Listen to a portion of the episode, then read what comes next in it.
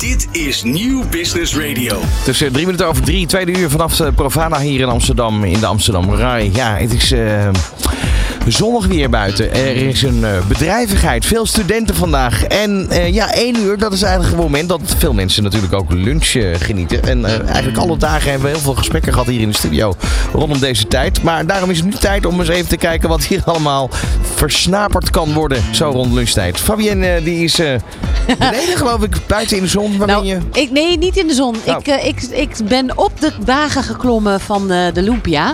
Eh, moet even zijn aandacht zien te trekken. Want nou, het valt mee. Het is lunchtijd. Ik zie wel iedereen lekker smikkelen buiten. IJsjes, koffie, eh, de Lumpia. Ik wil toch even kijken of ik deze meneer wat vragen mag. Hi. ik vroeg me nou even af, dit is dag drie hè? En jullie geven dus bij het zien van, eh, van je badge, krijg je een gratis Lumpia. Dat is toch fantastisch? van Spring. Een spring roll van Spring, zo is het. En eh, die In zijn de allemaal... spring ook nog. Wat zeg je? Het is nog steeds lente. Ja, het is nog steeds lente. Eh, heb je enig idee hoeveel je er eh, inmiddels hebt eh, uitgegeven? 600 per dag. Er zit gewoon een limiet aan. En die gaan gewoon, die gaan natuurlijk strak op. Strak op. En dan, hoe laat was het op de eerste dag? 12 uur? Toen waren ze weg. Nee, ehm, rond een uur of twee. En vandaag? Het is al pas één uur. dat het ook twee uur wordt. Ja, half twee misschien. Oké, dus voor de bezoekers eh, of de mensen die eh, in de buurt lopen en meeluisteren, eh, nog heel even en dan zijn de spring rolls op. Je hebt nog, Wat- niet, wat- je hebt nog niet verklapt dat wij een grote aandeelhouder zijn op eh, 600. Hè? Nee, dat heb ik nog niet dat heb ik natuurlijk nog niet gezegd. Wat maakt deze springroll zo ontzettend lekker? Ik heb hem zelf al geproefd, maar wat is jouw verhaal erover? Verse groente in. Hij is ook vega en vegan. Nou, dat maakt hem. Lekker. Geen vlees, veel lekkerder. Nou, werk ze. Super, heerlijk.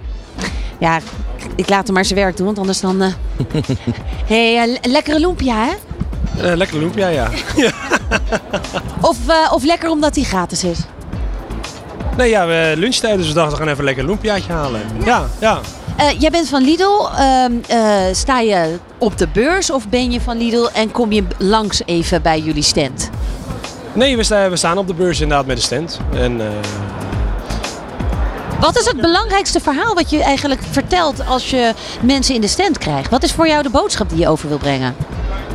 en dat zijn er meerdere. En ik denk eh, wat voor nu het eh, thema ook van de Provada natuurlijk, We Can Be Heroes. Dus waar wij nu vooral mee bezig zijn is ook de duurzame karakter van het eh, bouwen van de Lidl winkels. Maar ook die hele keten circulair maken. Dus eh, wat veel niet weten is dat wij ook onderdeel zijn van de Schwarz groepen. En daarvan ook eigenaar zijn van Pre-Zero. En uiteindelijk proberen we die hele keten circulair te maken.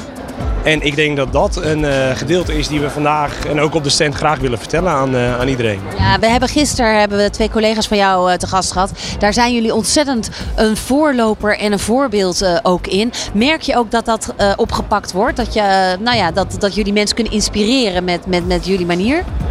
Ja, we proberen het wel en we hopen ook dat het natuurlijk overkomt naar, naar iedereen. En ja, we proberen het verhaal zo goed mogelijk te vertellen en ik, eh, ik hoop dat het gebeurt. Ik weet niet of het bij jou overkomt, dan, dan eh, doen we het goed. Heel goed, dan ga jij lekker genieten van je lumpia. Hebben ze die ook bij de, bij de Lidl zo lekker? Nou, ik moet het nog testen, dus we gaan het proberen. Ah, Oké, heel goed. hey, Frits Sissing. Hallo. Doen we een kruis, kruiswoord, eh, een soort kruis... Hé, hey, hallo. Cameraman ken ik ook al heel lang. Ondertussen gefilmd. Ik word ondertussen gefilmd inderdaad, maar waar is jouw microfoon? Kijk op. Ja, precies. En wij zijn zijn live weer, op de radio. Ja, leuk. New Business Radio. Exactamundo. Leuk Hoe- dat jullie er weer zijn. Zeker, en leuk dat jij er ook weer bent. Wat, wat, eh, hoe is jouw indruk van deze beurs? Nou, Want je doet hem ook al een aantal jaar. ja, ja, nee, ik ben er al een jaar of tien bij. Ehm, nou, het is druk. Vanaf dag één, vond ik. Drukker dan vorig jaar. Ehm, het wordt wat inhoudelijker weer, heb ik het gevoel. Dus eh, het is niet alleen maar netwerken, maar het gaat ook ergens over. En ehm, zo'n trend die je al jaren hoort van, van circulariteit, biodiversiteit, bio, eh, eh, duurzaamheid. Begint nu echt in projecten terug te komen. En dat vind ik leuk om te zien. Ja, eerst was het gewoon dat er uitgesproken moest worden. Er moet wat gebeuren. Het is 2 voor 12. Vervolgens komen die plannen, die worden nu uitgerold. Ja. Eh, dus de, de actie komt er een beetje actie in. komt erin en ik zie hele mooie projecten. Ja. Echt mooie gebouwen, van hout gemaakt. En, en, dan is de omgeving helemaal geïntegreerd. Komen de bijtjes weer terug. En zo. Ik denk, ja, nou, we zijn wel daarin goed bezig. Natuurlijk mag dat het meer. Maar eh, er gebeurt wel wat. Ja. En de kennissessies, die, eh, die, die, die worden ook wat gewichtiger, zeg je. Nou, dat krijg ik terug. Ik ben er zelf niet bij natuurlijk, want ik ben heel hard aan het werk. Maar ik krijg van de, van de mensen terug die ik spreek van... eh, ja, ik kom hier ook om kennis op te doen en te delen en, en te, me te laten inspireren daardoor. Nou, dat is natuurlijk ook iets waarvoor de Provada is. Dat is helemaal waar. Heb jij de spring rolls al Ja, geboekt? ja, ja, natuurlijk. Ja, lekker hè? Lekker hè? Nou, jij heel veel succes nog Ja, met het maken van de rest van het eh, report. Ja, dankjewel. Het wordt een aftermovie dit jaar. Dus die is eh, denk ik morgen of overmorgen Op te de zien. website, Ja. te zien. Ja. Heel goed, dankjewel. Dag Frits. Dit is Nieuw Business Radio.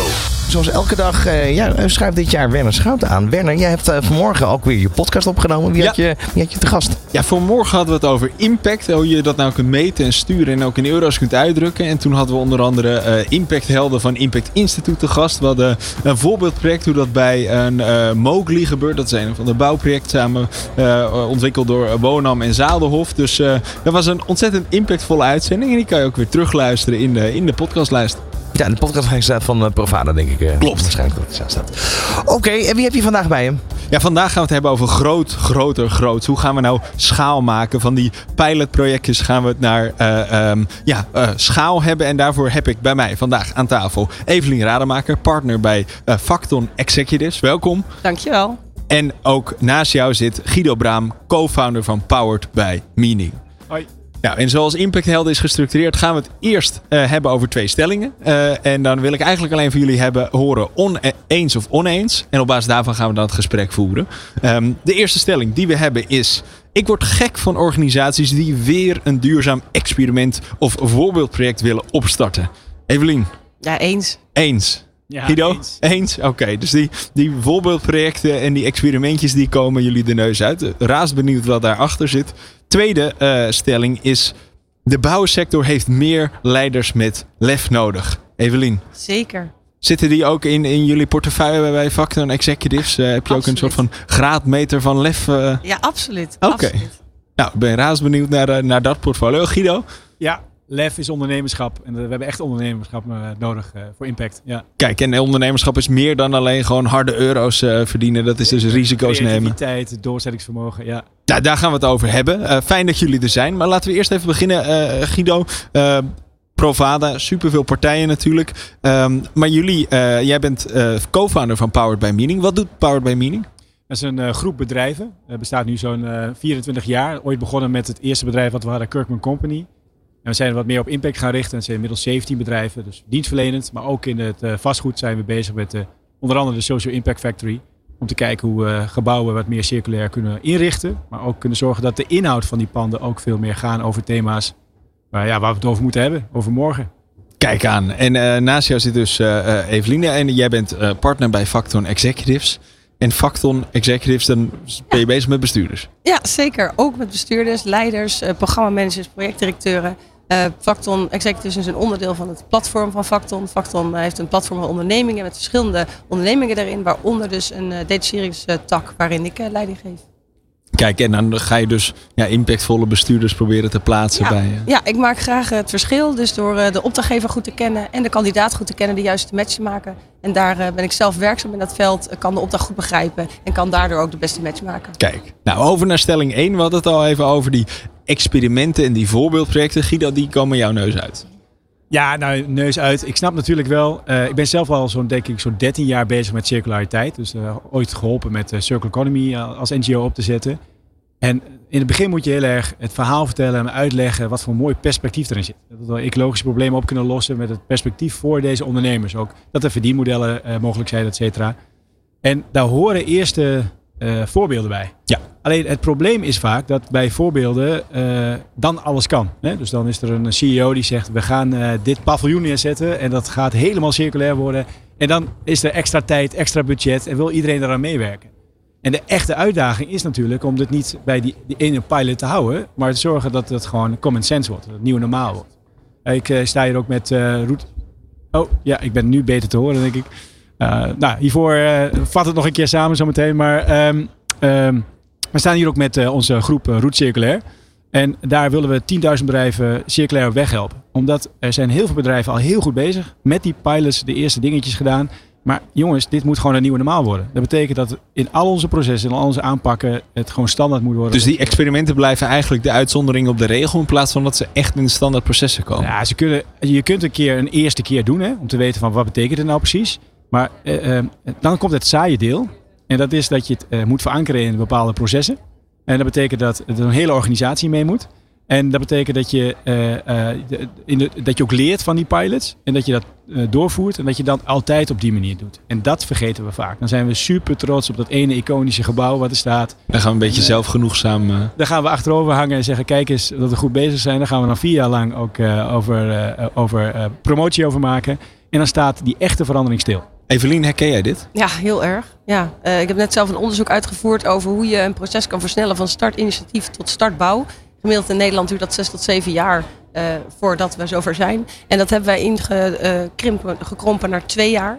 Eh, dat wil zeggen, ehm, ja, als je dus inderdaad het als een pilot blijft zien en gaat doen, dan heb je één project versneld. Wat wij willen doen is excellente projecten maken, een leermanager op dat traject zetten en zorgen dat je Excellente projecten. maken. Excellente projecten. Dus niks geen pilots. Dat woord is gewoon uit ons woordenboek. Het zijn excellente projecten en die doen we op die manier. En om dat dan uit te dragen, hebben wij eh, leermanagers geïntroduceerd om te zorgen dat je het en in je gemeente, in je organisatie, maar ook landelijk, BZK draagt daar ook aan bij, om het uit te dragen hoe we dat gaan doen. Het staat echt aan de vooravond nu voor het uitrollen in Nederland. Ik wou net zeggen, heb je al een voorbeeld van hoe dit, waar dit goed gaat? Ja, dat is een leuke vraag, want we zijn er hard mee bezig en de voorbeelden komen er heel snel aan. Ik zit allemaal nu nog in de ontwikkelfase van de start, maar we hebben het echt net ge- ge- verteld zeg maar, en uitgedragen. Oké, want toch willen we natuurlijk ook een beetje een positieve blik hebben. Wat zijn nou zaken, als ik kijk naar jou Guido, ehm, wat wel goed gaat qua, qua opschaling, qua, qua omvang? Is er iets waarvan je hoopvol wordt?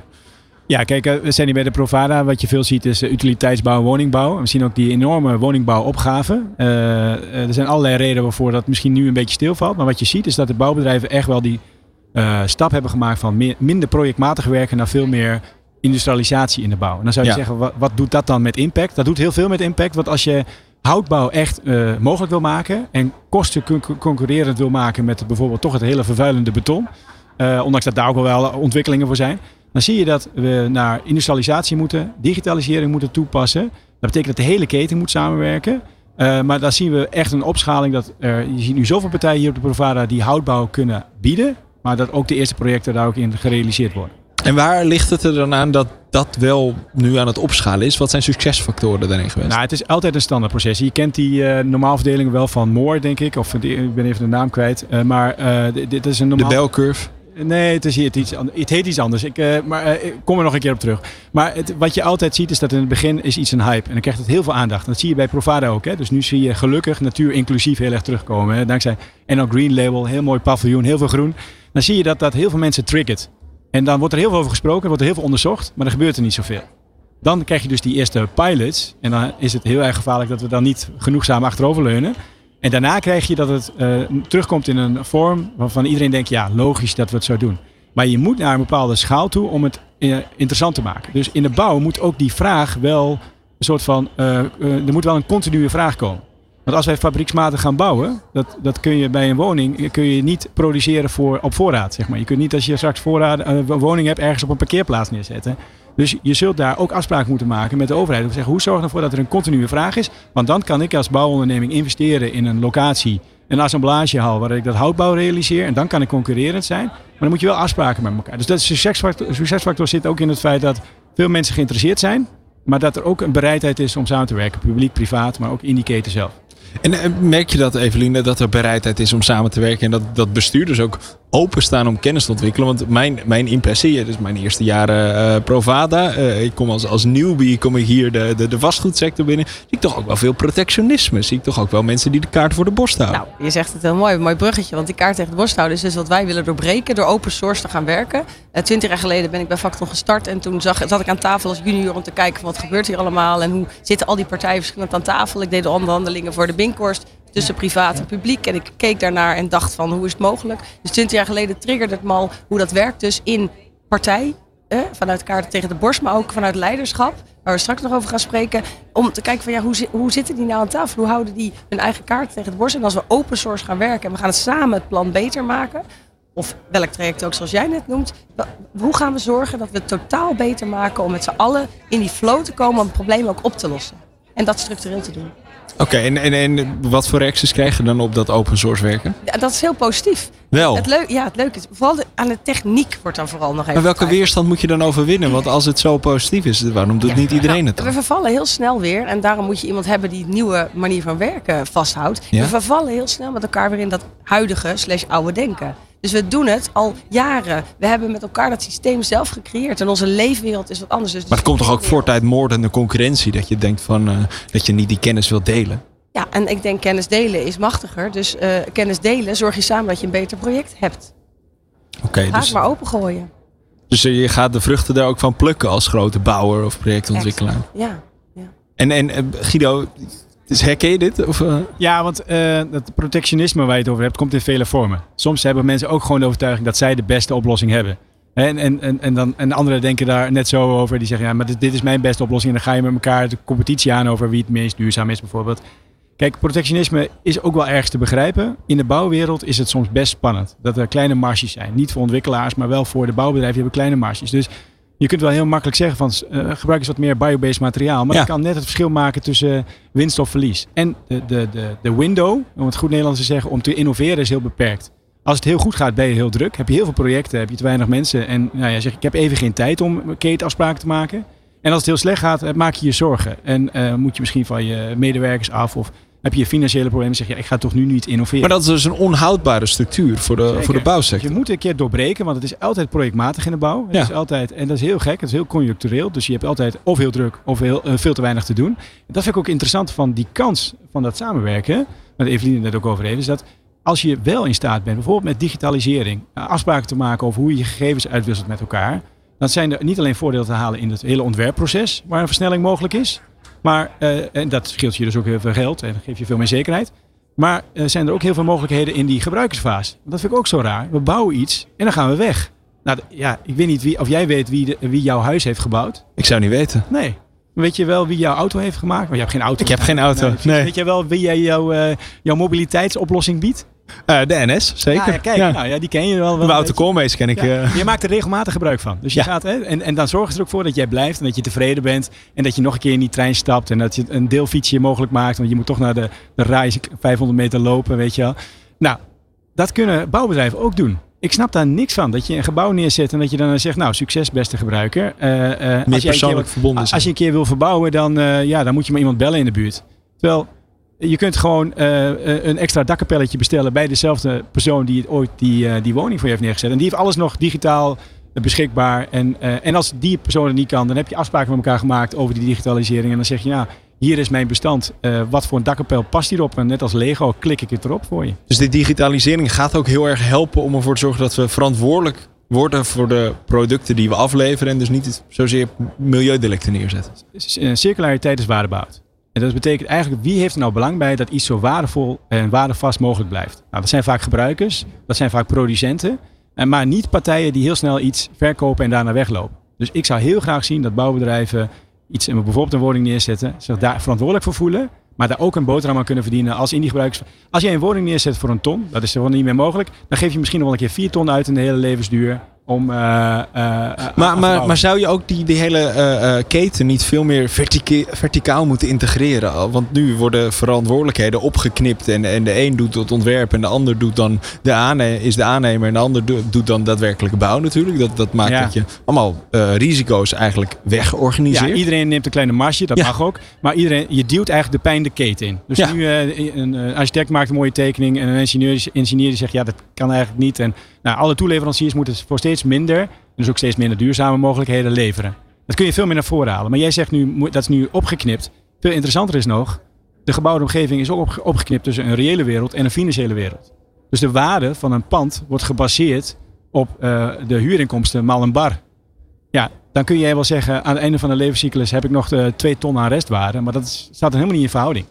Dus je moet zorgen dat mensen eigenaar blijven van een pand. En belang bij hebben dat het waarde vast blijft. Kijk, dit dat, is- dat is een echte verandering. Dit, dit gaat dus meer over de institutionele verandering. Hè? De, Ja. eh, hoe we dat in regels en, en, en ook in de structuur van de sector. Laten we ook even kijken naar het leiderschap. Hè? De tweede stelling was ook, we hebben meer leiders met lef nodig. Was je het eh, volmondig mee eens, Eveline? Ja, zeker. Ja. Eh, wat wij merken, en dan kijken we ook naar goed opdrachtgeverschap. En daar hoort dan ook het onderdeeltje leiderschap bij. We doen Ja. daar ook een onderzoek naar om te kijken van, nou, wat gebeurt daar nou in onze wereld? We hebben daar een heleboel mensen over geïnterviewd de afgelopen maanden. Eh, einde, na de zomer, eind van het jaar, komt daar ook een boekje over. Omdat we vinden dat we daar een, een, een stelling in moeten nemen. Dat we daar richtingen moeten geven. En richtingen moeten aangeven. Want wat is dan leiderschap met lef? Hè? Want iedereen wil moedig zijn, iedereen Ja. wil lef hebben. Maar Ja. Eh, Ja. hoe ziet dat er dan uit? Ja, er zijn een aantal dus kernzaken van het vermogen om tegenstellingen te overbruggen, van creativiteit, van kennis en ervaring. Ja.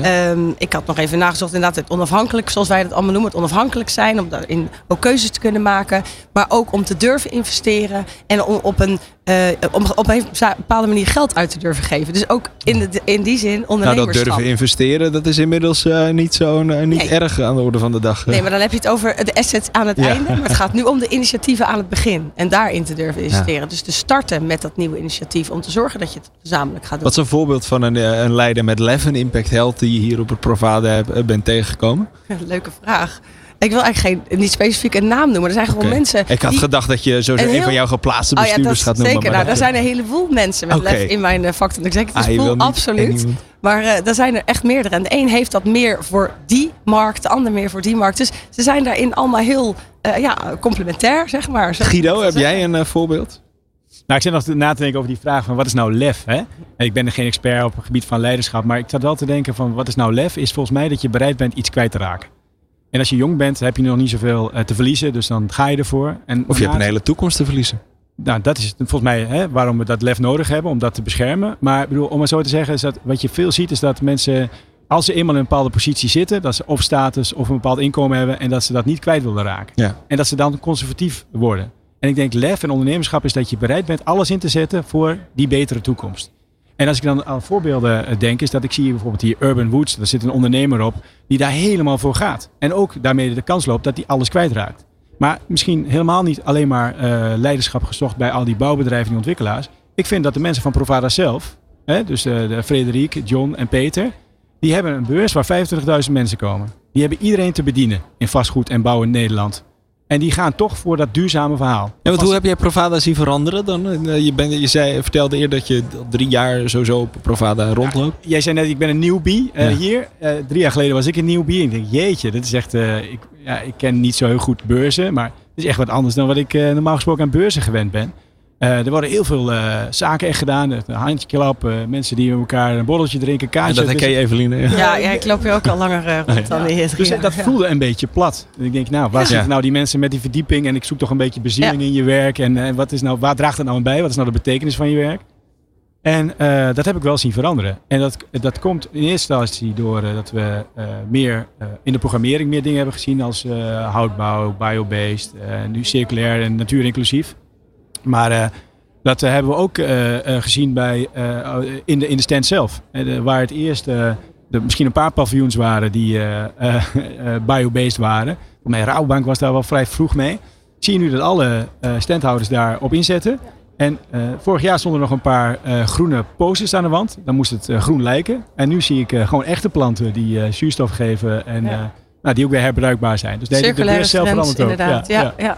Oké, dus je ziet steeds meer inderdaad eh, eh, Ja, ontstaan. Voor het echi wordt het nu. Hè, dus niet meer voorbij, een beetje voorbij aan die marketing. Nog steeds heel veel marketing, maar wel voorbij aan. Zie je dan ook clashen tussen eh, eh, eh, de, de, de, de oude garde en, en, en zeg maar de koplopers van die nieuwe bouwsector?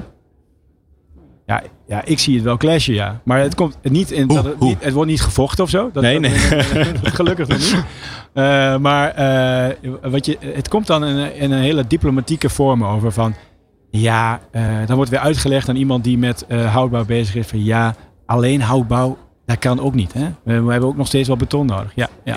En eh, dat is ook zo. Maar het, het komt erop neer dat veel mensen uitleggen waarom bepaalde dingen niet kunnen. Ja. En dan als je dan verder graaft, dan heeft dat alles mee te maken dat een eigen verdienmodel onder druk staat. Dat mag. Maar da- da- daar zie je wel bij panels af en toe wat discussies voorbij Maar komen. het is toch gek dat we het dan niet hebben over het bestendigen van dat verdienmodel door bijvoorbeeld inderdaad, nou ja, als, als we duurzaamheid mee in de prijs nemen, is iets wat al veel terug is gekomen, de tax shift, de true pricing. Dan zou dat daar toch mee helpen?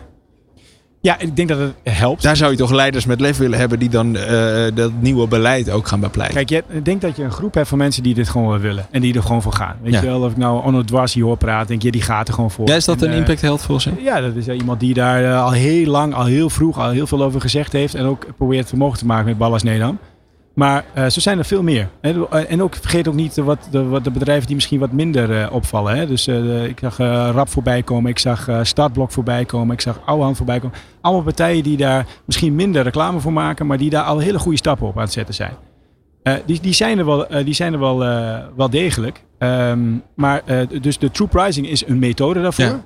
Maar ik denk wat ook helpt is dat we toch eh, ietsjes meer één methode hebben om tegen elkaar te zeggen van eh, hoe goed doe je het nou eigenlijk. Beetje harmonisatie. Ja, je, we hadden het over de milieuprestatiegebouwen, de MPG. Daar zit ook wel energie en materialen in en dergelijke. Maar zo'n wat meer integrale oplossing. Dus dat we niet op één issue heel goed scoren, maar op alles. Dat, dat zou wel enorm helpen. Ja. En dan Eveline, over die sociale innovatie. Merk je ook dat steeds meer eh, eh, mensen hier op Provada nou, een andere toon aanslaan. Anders kijken tegen duurzaamheid aan. En daarin ook meer proactief in plaats van reactief Ja, zijn. Van het zijn- nou, ik zie het wel op me afkomen met de regelgeving. Nou ja, het zijn geen ambities meer, het zijn gewoon eisen. Het Oké. is gewoon aan de basis. En dat is echt een omslag waar we. maar dat is geen jaar- leiderschap, dat is Dat is- gewoon volgen. Dat is- Ja. Nou ja, dat is neergezet door leiders en vervolgens Oké, wordt het ja. uitgevoerd. Dus dat vind ik wat anders. Maar het gaat erom dat je gewoon inderdaad hier ziet dat het een hele traditionele beurs was altijd. En dat het veel meer, ja, toch wat innovatiever. En daar wordt echt, echt creatief en, en modern naar gekeken. Vanuit, eh, nou, ik kom net bij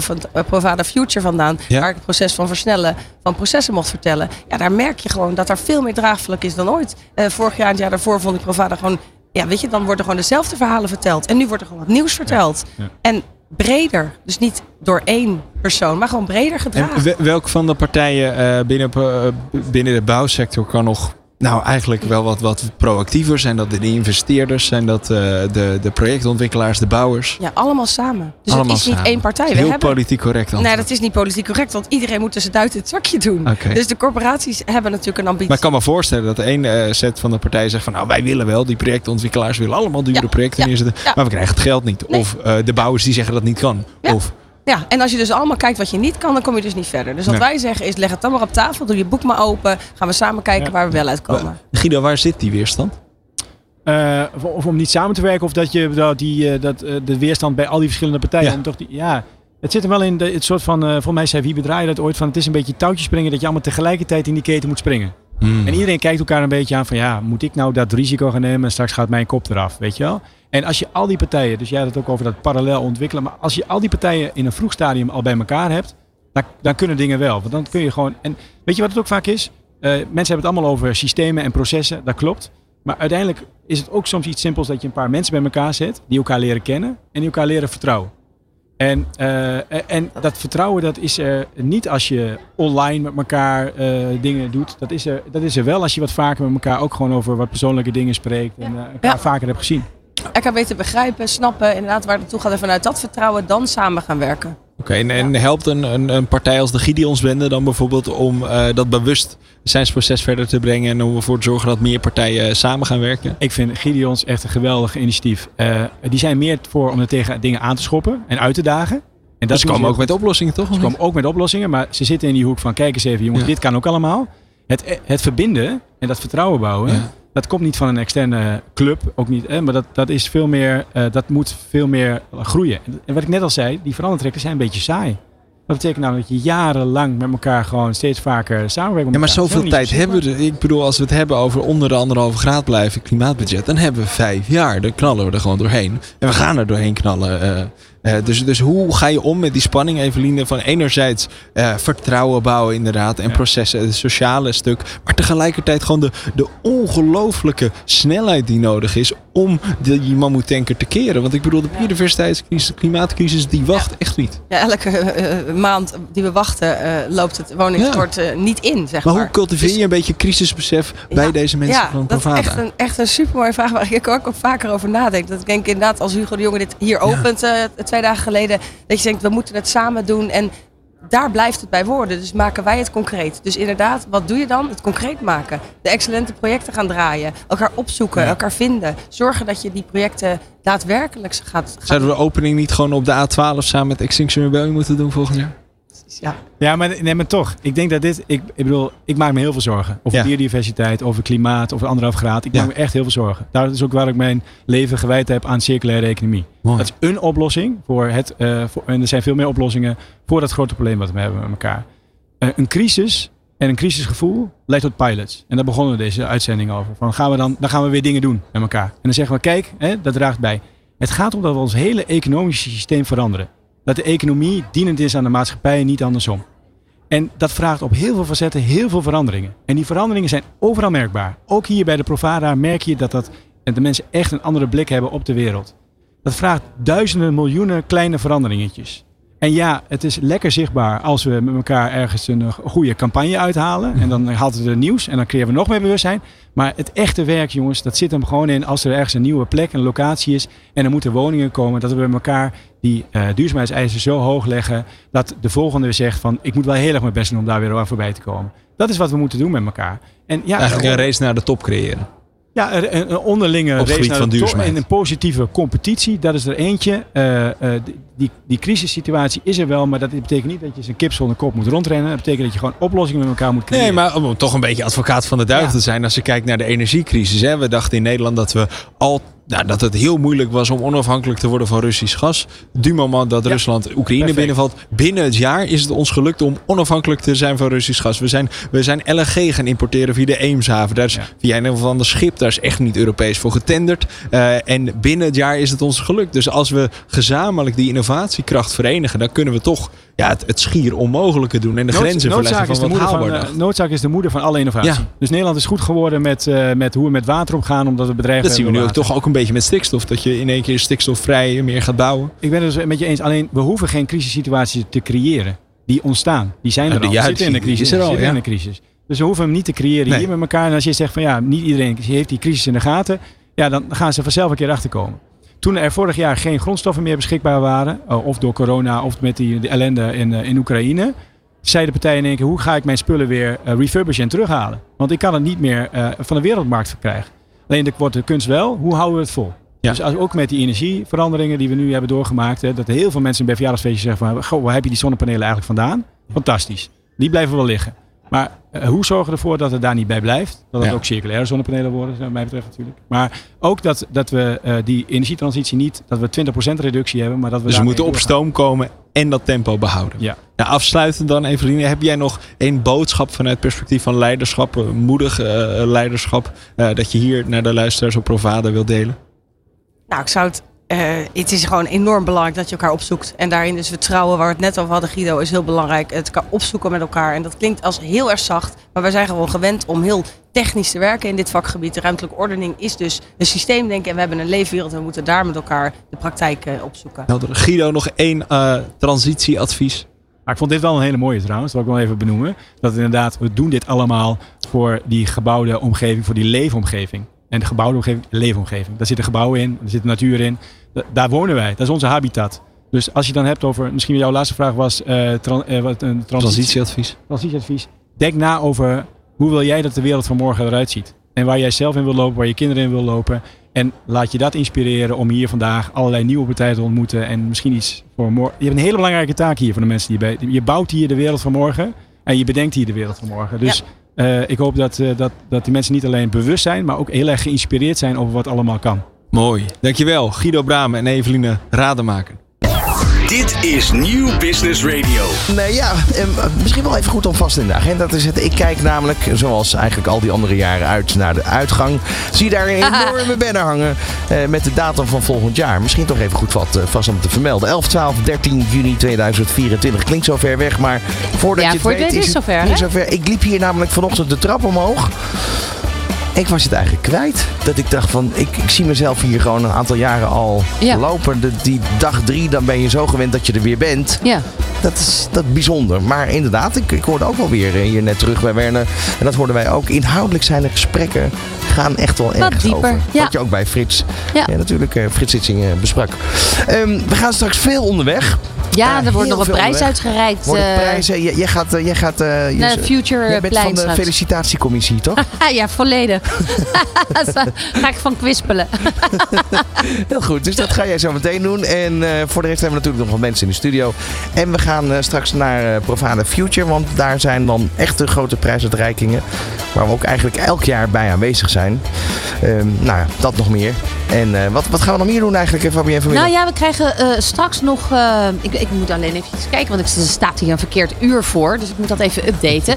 Maar er- komen nog spontaan eh, mensen langs. Het is eigenlijk. ehm, dat is wel mooi. Als je dan zo eh, op de beurs staat, dan op een gegeven moment komen er bedrijven. Ja, wij eh, mogen wij ook nog even. Wij doen ook iets super interessants. Nou, en soms zit er inderdaad dan iets bij dat ik denk: kom, kom, kom daar maar even over vertellen. Dus ik houd het misschien een beetje als een surprise. Ja. Maar ik kan wel vertellen dat het te maken heeft met die sociale cohesie. Nou, dit is toch geweldig. Ja, en we gaan dus inderdaad straks naar Fries 100 jaar. Ze hebben niet gehoord dat we komen. We gaan er spontaan langs. Maar ze zijn veel te druk daar op de hoe stand. noem je dat ook alweer? Party eh crashen. Dit is Nieuw Business Radio. We gaan eventjes naar eh, Fabienne. Die loopt op dit moment eh, op de beursvloer hier in de rij. eh, bij de Ja, ik ben, ik ben nog aan het, aan het zoeken. Ik ben op weg naar Fris. Ehm, Ah, Oké, ja. ehm, maar kijk, ik heb hem wel gevonden. Ik ben alleen nu nog daar naartoe onderweg. Even kijken hoor. We zijn hier in hal 12. Neem ons eens even mee. Wat zie je eigenlijk om je heen daar? Nou, ik kijk altijd, dat is grappig, ik kijk op beurzen altijd naar boven. Omdat je dan gewoon sneller eh, kan navigeren. Omdat je gewoon eigenlijk die grote, ja, die, grote, die grote hangers als het ware met de namen ziet. Terwijl als je op een beurs, daar worden mensen altijd heel onrustig en duizelig van. Omdat ze dan al afgeleid worden door al die mensen die je Ja. ziet. Dus ik, ik, maar ik sta inmiddels bij Fris. Ja, oké, heel goed. Heel Zo, goed. dat is mijn snelste navigatie. Eh moet ik alleen even kijken wie ik al kan spreken. Hallo, ik zie frishangers, fris eh, labels. En we hebben hier het genoegen met eh Rudolf Verkouw. Hallo Rudolf, ik ben Fabienne van New Business Radio. Mag ik je een vraag stellen? Ja, natuurlijk. Eh, wat, eh, ben jij, wat, je bent, eh, wat ben je bij Fris? Ik doe de commerciële kant van de afdeling beheer van bedrijfsonroerend En waar is Fris nou zo ontzettend goed in? Beheer van onroerend goed, zowel bedrijfsruimte als woningen. En dat doen wij voor vastgoedbeleggers. Nou zijn ze op zoek naar heroes. Eh, ja, Nou, die hebben wij. ja, vertel. Nou, wij verkopen ons natuurlijk als heroes. Eh Fris is een familiebedrijf waar echte mensen werken. Eh, en dat is een beetje onze slogan. Eh, niet lullen maar poetsen. Ondanks dat we in Amsterdam gevestigd zijn. Ondanks dat Ja, toch? niks Rotterdams bij. Er zit niks Rotterdams bij. Maar zo opereren wij wel. Ja, absoluut. Ja, op welke manier onderscheiden jullie? Hè? Want je zegt echte mensen, maar waar, is hij, waar is dat niet dan zo? Nou, ik denk dat dat is omdat eh, wij de communicatie en mensen centraal stellen. Dus wij eh, zijn een serviceverlener. En eh, wij ontzorgen onze opdrachtgevers, die eigenaren van gebouwen zijn. En wij verlenen services aan de huurders van gebouwen. Of dat nou woningen zijn of bedrijfspanden. Ehm, En wat je dit jaar heel erg hoort, een beetje een soort buzz, eh, is, is toch die participatie van bewoners. Is dat iets wat jullie vanaf nu ook dan mee gaan nemen? Hoe bedoel je dat? Participatie van bewoners? Nou, dat wat heeft de bewoner nodig en dat ze daar een zeggenschap in hebben? Niet echt. Nou ja, kijk.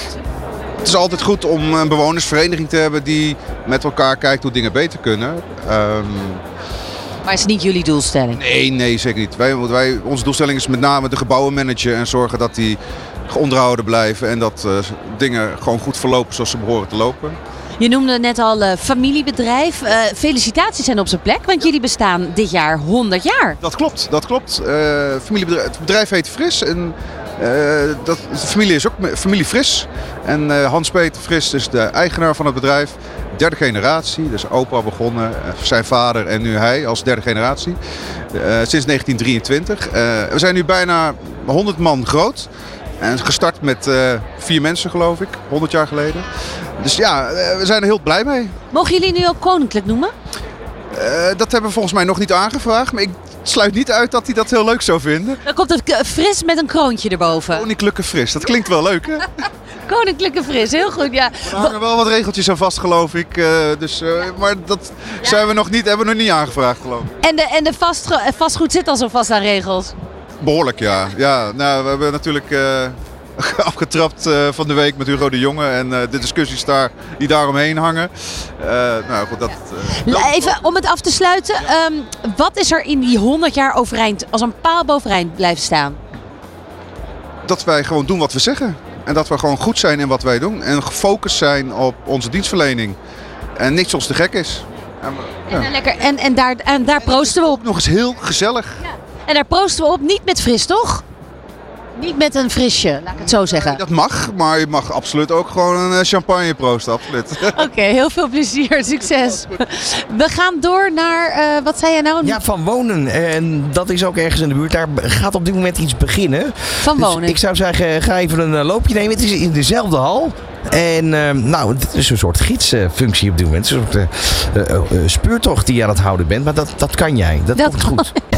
Dit is Nieuw Business Radio.